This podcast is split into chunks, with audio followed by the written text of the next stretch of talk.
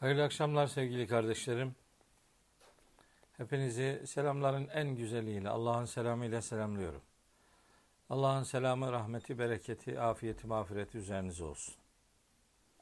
Bu akşam artık sondan bir önceki akşamdayız. 29. programla karşınızdayız. Rabbimizden size, bize, bütün müminlere, bütün insanlığa hayırlı bir ömür nasip etmesini niyaz ediyorum. Bu akşam da bir gecikme oldu. Yolculuk halindeydim. Onun için ancak eve ulaşabildim.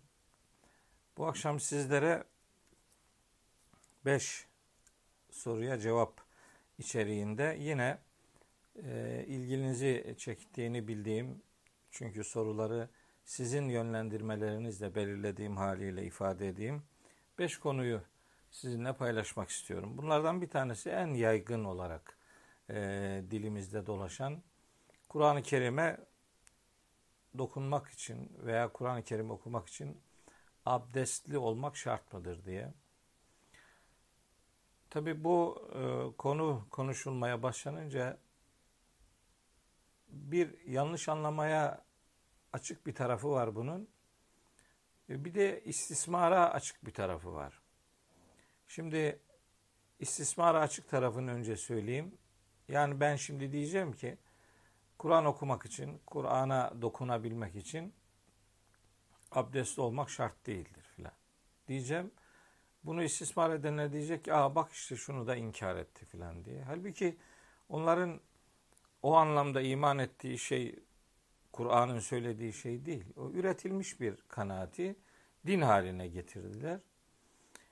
İkincisi yanlış anlaşılacak olan da yani Kur'an-ı Kerim'i okumak için, ona dokunmak için abdest almak gerekmez deyince sanki şunu diyormuşuz gibi. Yani siz Kur'an okuyacağınız zaman özellikle abdestiniz varsa da abdestinizi bozun. Aman bu kitabı abdesti dokunmayın gibi. Böyle bir şey yok yani. Bu son derece yanlış bir algı. Bu ikisi de doğru değil. E peki doğru olan nedir? Doğru olan şu. Bu konu e, Kur'an-ı Kerim'de bir çeşit ele alınan konulardan biri. Vaka suresinin 75. E, ayetinde Rabbimiz bir beyana yer veriyor ki o beyanda buyuruyor ki fela uksimu bimevaki'in nucum ötesi berisi yok. Vahyin yer ettiği gönüllere yemin ediyorum ki eğer bilirseniz ve innehu lekasemun lev ta'lemun azim eğer bilirseniz bu çok büyük bir yemindir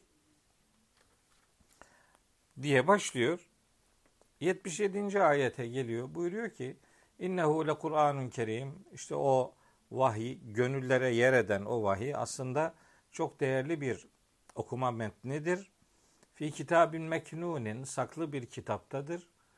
E, la yemessuhu illel mutahharun ve ona arındırılmışlardan başkası dokunamaz, ulaşamaz.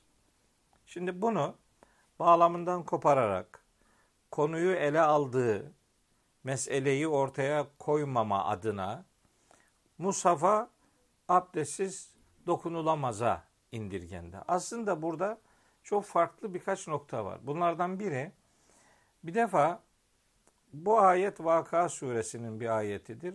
Vaka suresi abdestle ilişkilendirilecekse eğer abdest ta Maide suresinde farz kılınmış bir e, eylemdir ondan çok daha önce indirilmiş olan bir surede abdeste gönderme yapılıyor olamaz. Çünkü henüz abdestle ilgili bildiğimiz manada abdestle ilgili bir ayet yok.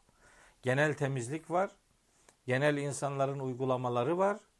Ee, bir takım ibadet e, pratikleri var. Elbet onlar var. Hatta eski öğretilerden, dini metinlerden kalma yöredeki dindar insanların tecrübeleriyle onlar abdesti biliyorlardı nihayetinde. O tür göndermeler var. O zamana kadar namaz kılanlar abdestsiz kılmıyordu. Yani o gene e, detayı olmasa bile genel hatlarıyla bilinen bir pratik vardı. Ama burada özel anlamda abdeste gönderme yapılıyor dendiği zaman insanlar size o abdest ayetinin henüz indirilmediğini söyleyerek sizi açığa düşürürler. Bir bu. Yani surenin iniş zamanı e, abdestle alakalı bir yoruma müsait değildir. İkincisi, burada bir yasaktan söz edilmiyor. Bir imkansızdan söz ediliyor. Yani Allahu Teala buyuruyor ki o çok değerli bir okuma metnidir. Saklı bir kitaptadır. Yani onun levh-i mahfuzdaki halini anlatıyor. Ve arındırılmışlardan başkası ona dokunamaz, ulaşamaz. Neden böyle bir şey söyleniyor? Çünkü o dönemde Mekke'de Hazreti Peygamber'in vahiy adına söylediklerini Mekkeli müşrikler bunun cin çarptı bu adamı, cinlerin kontrolüne girdi, cinler ona bir takım haberler getiriyorlar diye vahyin kaynağını cinlerle ilişkilendirerek bir sunum, bir yorum yapıyorlar.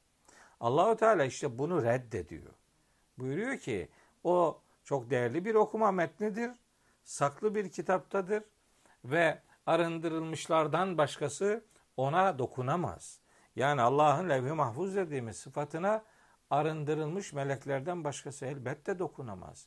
Bu bir imkansızı ifade ediyor. Bir yasağı değil. Zaten bir şey yasaksa, e, bir şey eğer imkansızsa onu yasakla ilişkilendirecek bir yorumun bir anlamı yok ki. Zaten imkansız. Buradan anlaşılıyor ki mesele levh-i mahfuzdaki Kur'an'ın orijinal o saklı kitaptaki halidir ve ona istese de meleklerden başkası asla erişemez, ulaşamaz, dokunamaz. Onun safiyetiyle oynayamaz demektir. Üçüncü söyleyeceğim husus buradaki mutahharun ifadesi arındırılmışlar kelimesi arındırılmışlık melekler için kullanılır. İnsanlar kendileri arınmaya çalışırlar ama arındırılmışlık kalıbı meleklerle ilişkilidir. Melekler arındırılmış varlıklardır ve Allahü Teala'nın görevlendirdiği, müsaade ettiği melekler ancak Allahü Teala'nın o kelam sıfatına, konuşma sıfatına ancak ulaşabilirler. Yani burada mesele abdestliler demek değil, melekler demektir ki ilk dönem müfessirlerimizin tamamı neredeyse bu ayeti böyle yorumlamışlardır. Bir başka söyleyeceğim husus la yemessuhu bu kalıbın imkansızı ifade ettiğini söylemek durumundayım. Yasak ifade etmiyor. Eğer yasak ifade etseydi la yemessehu olması gerekiyordu. La yemessuhu değil. Yani gramer açısından, kelime bilgisi açısından bu kalıp nehi kalıbı değil, bir imkansızı ifade eden, yasağı değil, imkansızı ifade eden bir kalıptır. Dolayısıyla anlaşılıyor ki Kur'an-ı Kerim'e dokunmak için aslında bir ön şart bir edep gereğidir. Ona kimse bir şey diyemez. Ben zaten söylüyorum. Kur'an'a dokuna dokuna ona abdestsiz dokunmamak gerektiğini anlarsınız. Yani bir edep olarak, bir saygı olarak. Yani Kitabullah dokunulsun diye indirilmiş bir kitaptır. Dokunulmasın diye değil. Yani düşünebiliyor musun şimdi gayrimüslim bir adama Kur'an'ın mesajlarını öneriyorsunuz. O da Kur'an'la ilgili bir şey araştırma yapmak istiyor. Siz şimdi ona önce abdest al mı diyeceksiniz yani. Ee, ona, onun abdesti yok. Abdestli olmayana abdest üzerinden herhangi bir e, yükümlülük teklif edilmez. Onun önce Müslüman olması lazım. Biz Kitabullah'ı böyle dokunulmazlıklar üzerinden yorumlayarak evimizin böyle üst raflarına koyduk. Efendim bir takım kaplara sardık. Hatta bazıları işte bunun ticaretini yaparlarken kalkıp da şunu diyebiliyorlar. Efendim Kur'anlarımızın üzerinde jelatin vardır. Dokunabilirsiniz diye. Yani jelatin olunca ne değişiyor yani? Ne oluyor? Yani o jelatin bu kaptan daha mı şey kalın? Yani bu kabın yapamadığını jelatin mi yapıyor yani? Bu kap kap bu musaf değil. Yani işi böyle aldatmacaya dönüştürmenin bir alemi yok. Allah'ın kitabı tekrar ediyorum. Kendisine dokunulsun diye indirilmiş bir kitaptır. Kitabullah dokunulmazlıkla, ulaşılmazlıkla nitelendirilmemelidir. Bir buna abdestsizler dokunamaz dedik. bir böyle elimizin altındaki kitap olmasını sağlamadık. Böyle ulaşılmaz yerlere koyduk. Asar-ı atika yani antika eserler gibi ona bir muamele gösterdik. Karşısında saygılı durmaya çalıştık ama dediklerini yapmayarak aslında saygısızlık e, gösterdik maalesef. Benim e, şahsen bir Müslüman olarak Allah'ın kitabıyla herkesin sıcak bir diyalog içinde olmasını ve bunun önüne engeller, barikatlar, bariyerler konulmamasını istiyorum. Tekrar ediyorum. Kur'an'ı eğer anlayarak okursa bir adam ona saygılı olma adına abdestsiz dokunmamak gerektiğini anlar. Ama bu bir hüküm değil. Bu bir saygı gereğidir. Bir adamın abdesti yok diye ona Kur'an'a dokunamazsın diye bir yasak getirmemek gerekir. Söylemek istediğim budur. Yani bunu hayatımızdan uzaklaştırmak için her türlü atraksiyonu koyduk. Bir de Kur'an çarpar dedik.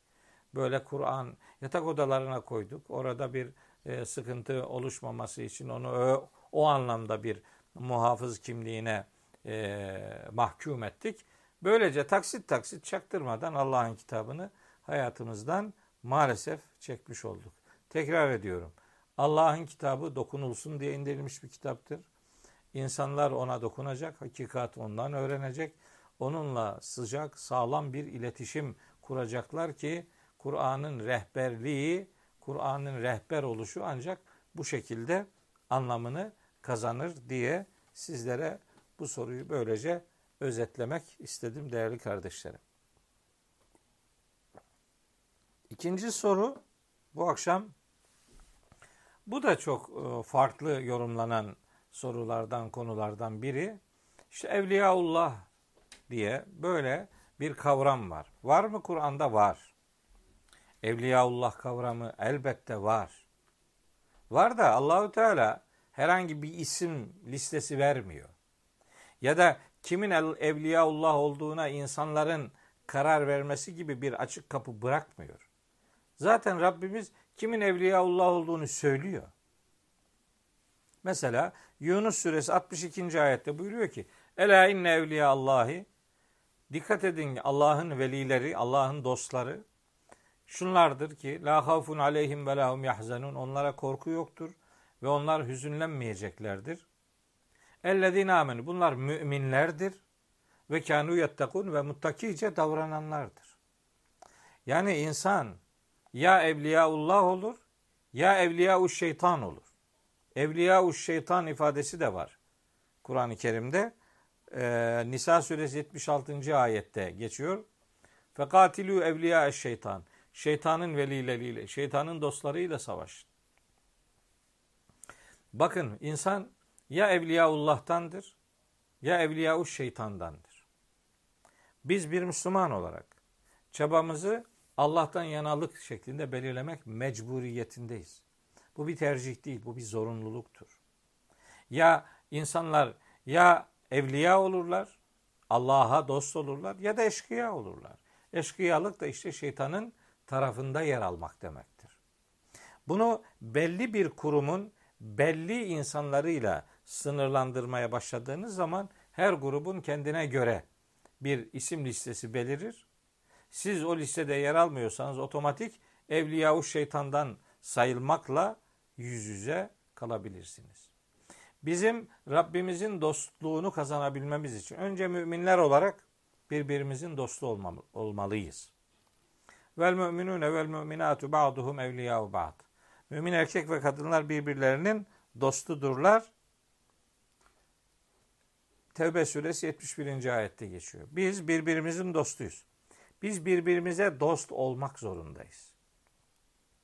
Çünkü Kur'an'daki verilen bilgilere göre kafirler de birbirinin dostudur. Kafirler birbirlerinin dostudurlar. Şeyde e, Enfal suresi 73. ayette geçiyor. Vellezine keferu ba'duhum evliya'u ba'din. Müminler birbirlerinin dostudurlar. Tevbe 71 ve Enfal suresinin 72. ayetlerinde. Kafirler birbirlerinin dostudurlar. Zalimler birbirlerinin dostlarıdırlar.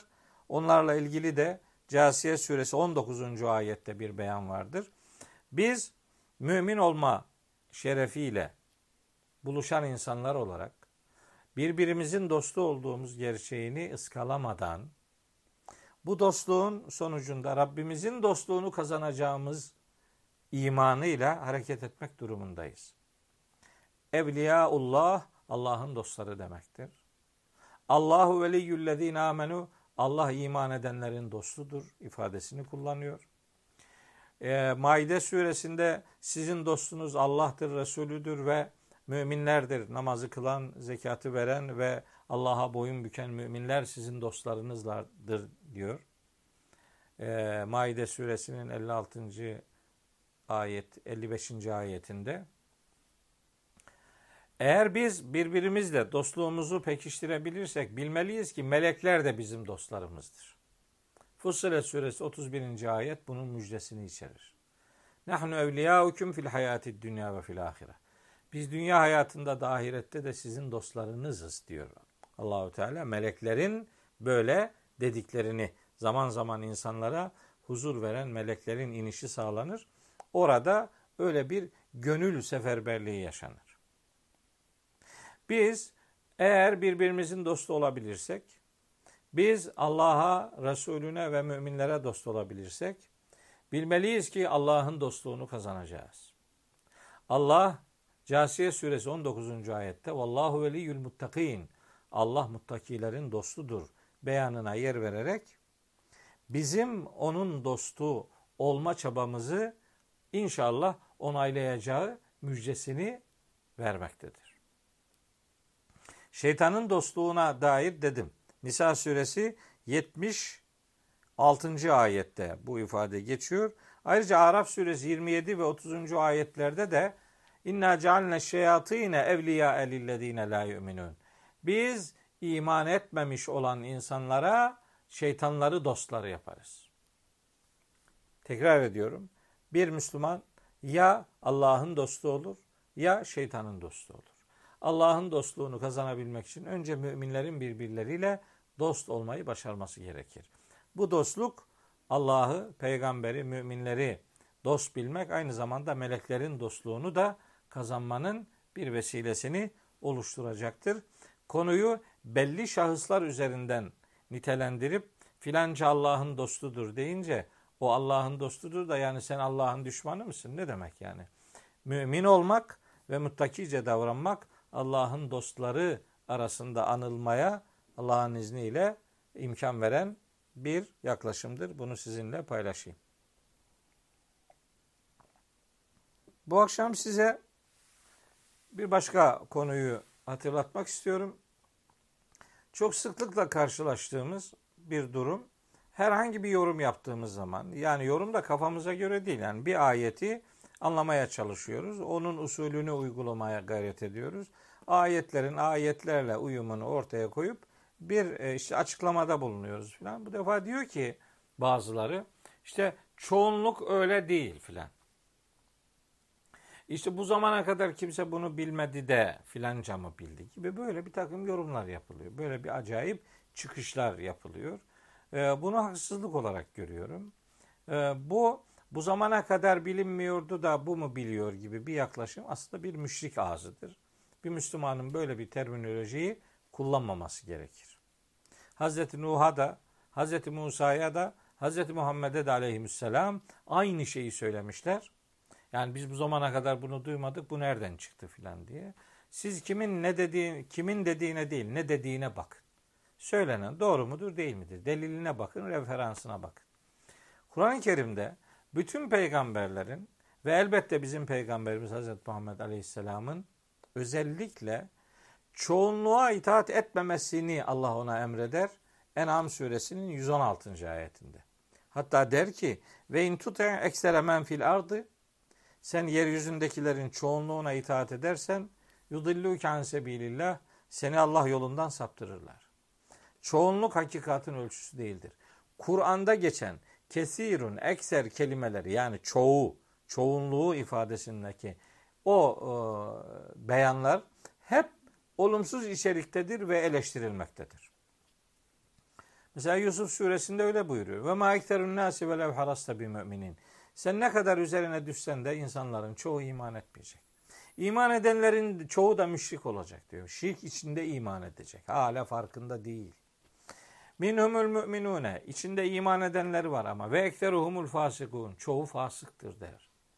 Mesela peygamber kıssalarını anlatır şu Ara suresinde Allahu Teala. O kıssaların her birinin sonunda der ki inne fî zâlike ayeten. Bu anlatılanda nice ibretler vardır. Ve mâ kâne ekseruhum müminin. Ama insanların çoğu iman etmezler. Çoğunluk hakikatin ölçüsü değildir. Ama bir şey hakikatsa varsın çoğunluk tarafından benimsensin. Bundan rahatsızlık duyulmaz. Ancak yaşanan tecrübeler ve Kur'an'ın verdiği bilgiler ortaya koymuştur ki bizim çoğunluk diye bir derdimiz yoktur. Çoğunluğun idaresi filan gibi böyle devlet yönetimlerinde tercih edilen bir takım yönetim biçimleri için kullanılıyor olsa da dini terminolojide herhangi bir şeyi söylediğiniz zaman o söylediğinize çoğunluk böyle kabul etmiyor diye karşı çıkılması doğru bir ağız değildir. Doğru bir söylem değildir. Doğru, doğru bir sunum değildir. Buradan beslenmemek gerekir. Şunu bir kardeşiniz olarak size e, iletmek istiyorum. Doğru anlamanızı istiyorum. Hiç olmazsa bizi doğru anlamanızı istiyorum. Biri öbürü öyle der böyle der. İtibar etmeyin bence. Sözün her birini dinleyin ama en güzeline tabi olun. En güzeline tabi olmak için hepsini bilmek lazım. Hepsini dinlemek lazım.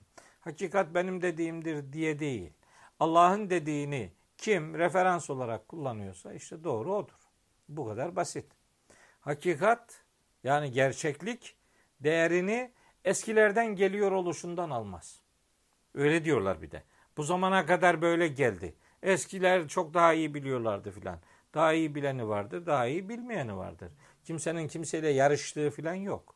Birler, birileri bir şey bilerek bir şey üretmişse Allah onlara ecrini verecektir. Biz de onlara rahmetle yad ederiz. Onlar görevlerini yapmışlardır. Biz de görevimizi yapacağız. Biz dedemizle övünmek için gelmedik bu aleme. Biz kendi eylemlerimizle övüneceksek onlarla övüneceğiz. Bakın bir hakikat değerini eskiden geliyor oluşundan almaz. Çünkü size göre eski olan her neyse emin olun ki ondan daha eski olanlar vardır. Değil mi? Başkalarının daha eskileri var. Tek başına eskiden geliyor olmak bir hakikat ölçüsü değildir. Hakikat değerini taraftar kalabalıklığından da almaz. Niye? Çünkü dünya üzerinde şu anda 8,5 milyar insan var. Bunun 1,5 milyarı Müslüman, 7 milyarı değil. Şimdi 1,5 mu büyük, 7 mi büyük değil mi? Çoğunluk üzerinden bir hakikat arayışı söylemi doğru bir söylem değildir. O zaman hakikat değerini kaynağından, referansından alır. Yani nereden beslendiğiniz önemlidir. Referansınız, kaynağınız kimin adına ne dediğiniz, nereden beslendiğiniz önemlidir. Ben, ben buradan hareketle diyorum ki çeşitli sebeplerle gücün sözüne değil, sözün gücüne itibar etmek lazım. Sözün gücüne itibar edenler sesini değil, sözünü yükseltirler. Gücün sözüne itibar edenler de sözünü değil, sesini yükseltirler. Kalabalık oluştururlar. O kalabalık oluşturulan kalabalık bir süre sonra da vahyi susturmaya yönelik bir çabaya e, evrilir. Fussilet suresi 26. ayette göndermesi yapılan hususiyet de budur. Ben o itibarla tekraren bir daha vurgulamak istiyorum. Çoğunluk hakikatin ölçüsüdür diye bir kural yoktur. Bir hakikat değerini taraftar kalabalıklığından da eskiden geliyor oluşundan da almaz. Bir hakikat değerini kaynağından, referansından alır. Bunu böyle bilmek ve bunun üzerinde böyle yürümek gerekir. Kur'an-ı Kerim'de Allahü Teala Hazreti İbrahim için tek başına bir ümmetti tanımını getirir. Nahl suresi 120. ayette demek ki bir hakikat milyonlar kabul etmese bile tek başına bir kişinin ağzından çıkıyor olabilir. Biz kimin dediğine değil ne dendiğine bakarak kendimize bir yol, bir rota çizmeye gayret ederiz değerli kardeşlerim. Bugün sizinle paylaşmak istediğim dördüncü konu peygamberler arasında üstünlük var mıdır diye. Bu da çok böyle peygamberlerin birbiriyle adeta yarıştırılmasına konu olan bir mesele. Tabi böyle düşünmeyi e, bir anlamda önünü açan bazı ifadeler var Kur'an-ı Kerim'de. Onları önce söyleyeyim sonra bunları nasıl anladığımı sizinle paylaşayım. Kur'an göndermeleriyle bakın nasıl bir görüntü çıkacak. Buyuruyor ki Yüce Allah İsra suresinin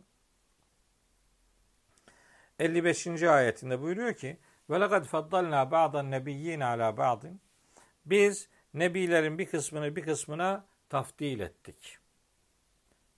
Tafdil, üstünlük manasında. Bir kısmı bir kısmına üstün tuttuk. Öyle mana verelim. Ve ateyna Davud'e zebura. Nitekim Davud'a da zeburu vermiştik.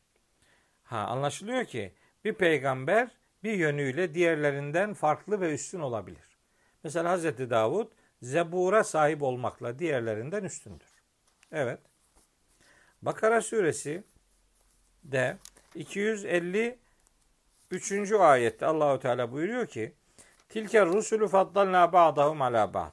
İşte şu elçiler birbirlerine taftil ettiğimiz, üstün tuttuklarımızdır. Mesela nasıl bir üstünlük? Minhum men kellemallahu.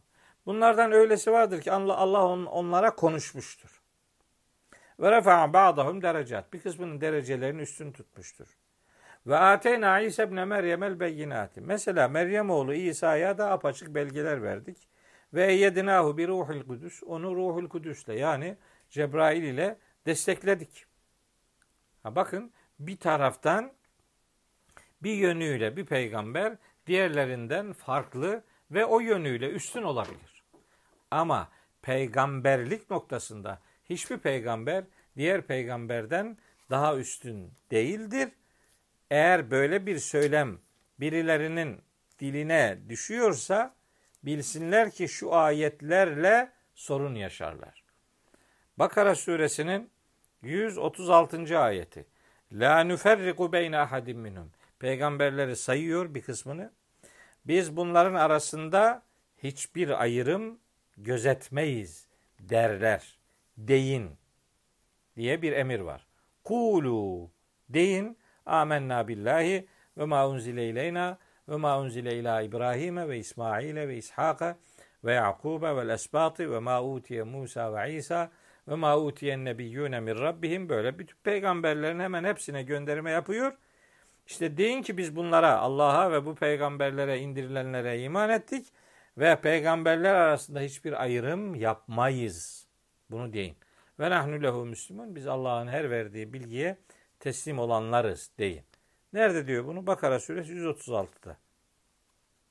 Hepinizin bildiği Amener Resulü'de de La nüferriku beyne ahadim min rusuli Allah'ın elçileri arasında herhangi bir ayrım yapmayız cümlesi var.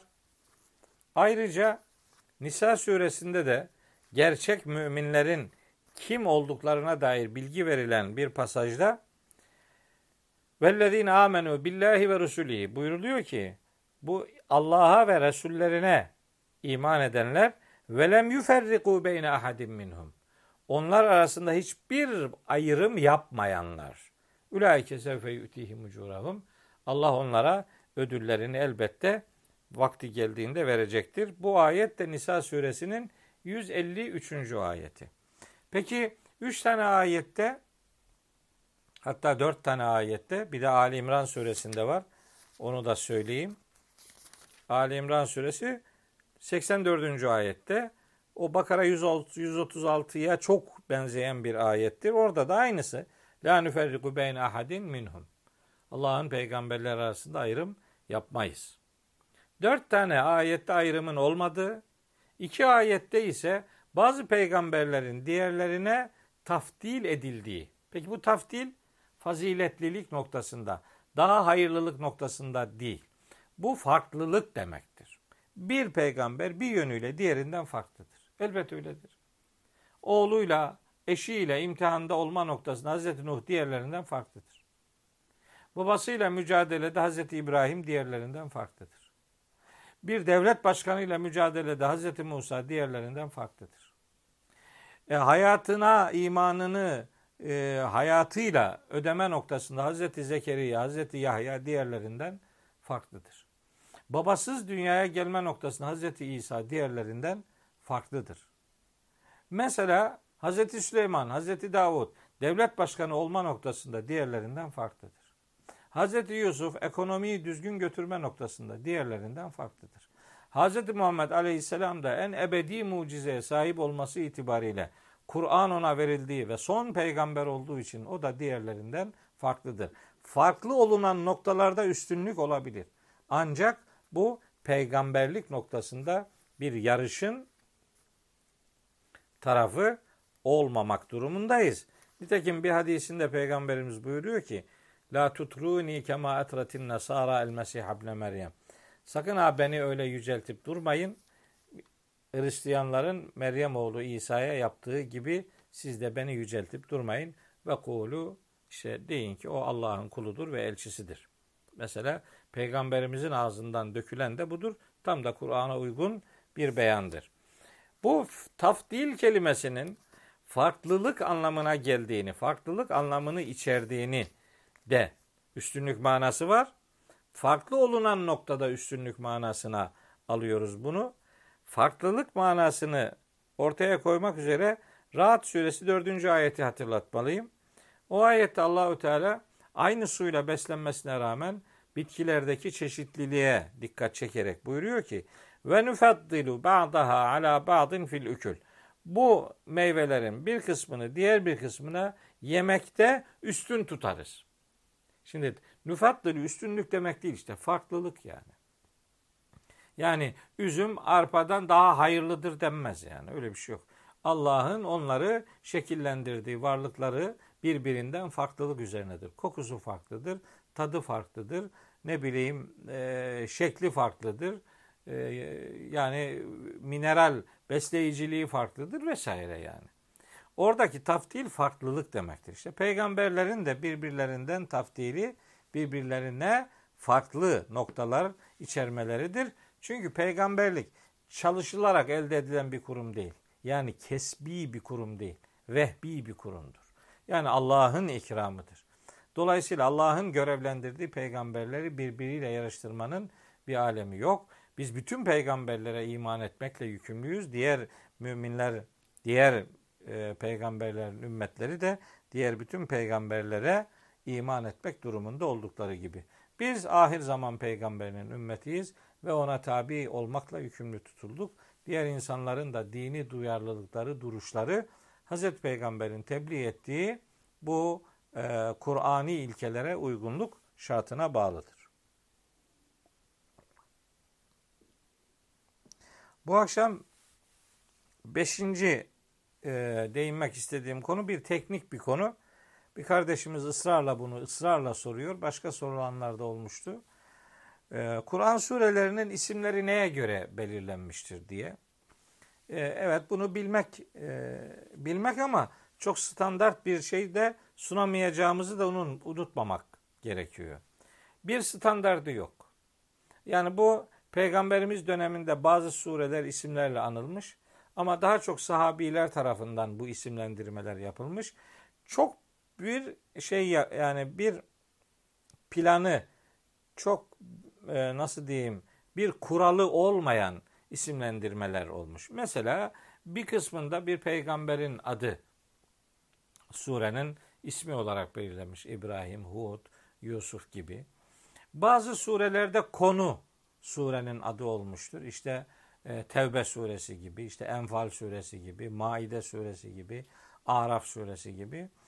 Bazı surelerde böyle ilginç bir kelime sureye konu olmuştur. İşte Neml, karınca gibi, Ankebut, işte örümcek gibi, Bakara, işte düve gibi, e, Nahil, bal arısı gibi bir ilginç bir kelime. İlginç bir kelime surenin ismi olarak kullanılmış. Fakat dediğim gibi bunun bir standardı yok. Bazı surelerin böyle başındaki o kesik harfler surenin adı olmuş. Yasin gibi, Taha gibi, Saat gibi, Kaf gibi, Nun gibi. Burada e, bir standardın olmadığını e, hatırlatmak istiyorum. Bazı sureler var, birden çok ismi var. Mesela İsra suresinin bir adı Beni İsrail suresidir. Fatır suresinin bir adı Melaike suresidir.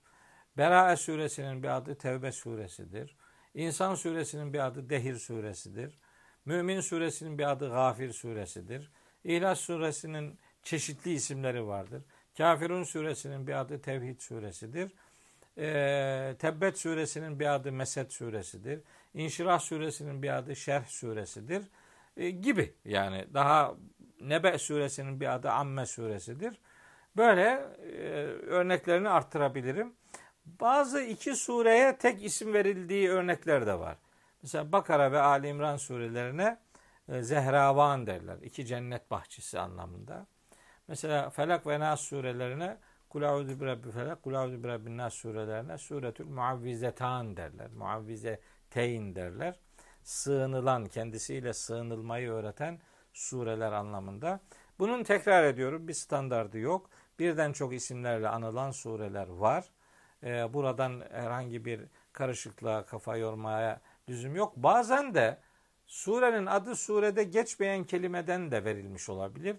Genel yaklaşımı öne çıkartılarak işte İhlas suresi mesela İhlas kelimesi o surede geçmez. Mesela Fatiha suresi Fatiha suresine Fatiha kelimesi geçmez ama Fatiha açılış demektir. Konuma müsaittir. İhlas bir samimi duruş ortaya koyan bir içeriktedir. O da isim olarak tam da İhlas suresini anlatan bir kelimedir diye böyle bir teknik bilgiye kısaca temas etmiş olayım. Mesela surelerin başka isimleri de var. Hicretten önde indirilenlere Mekki, hicretten sonra indirilenlere Medeni sureler denilir. Hatta uzunluklarına göre ilk uzun yedi sureye seb, seb'i tıval derler. Sonra El Mesani sureler vardır. El Miun sureler vardır. Yüzlü ayetleri olanlar.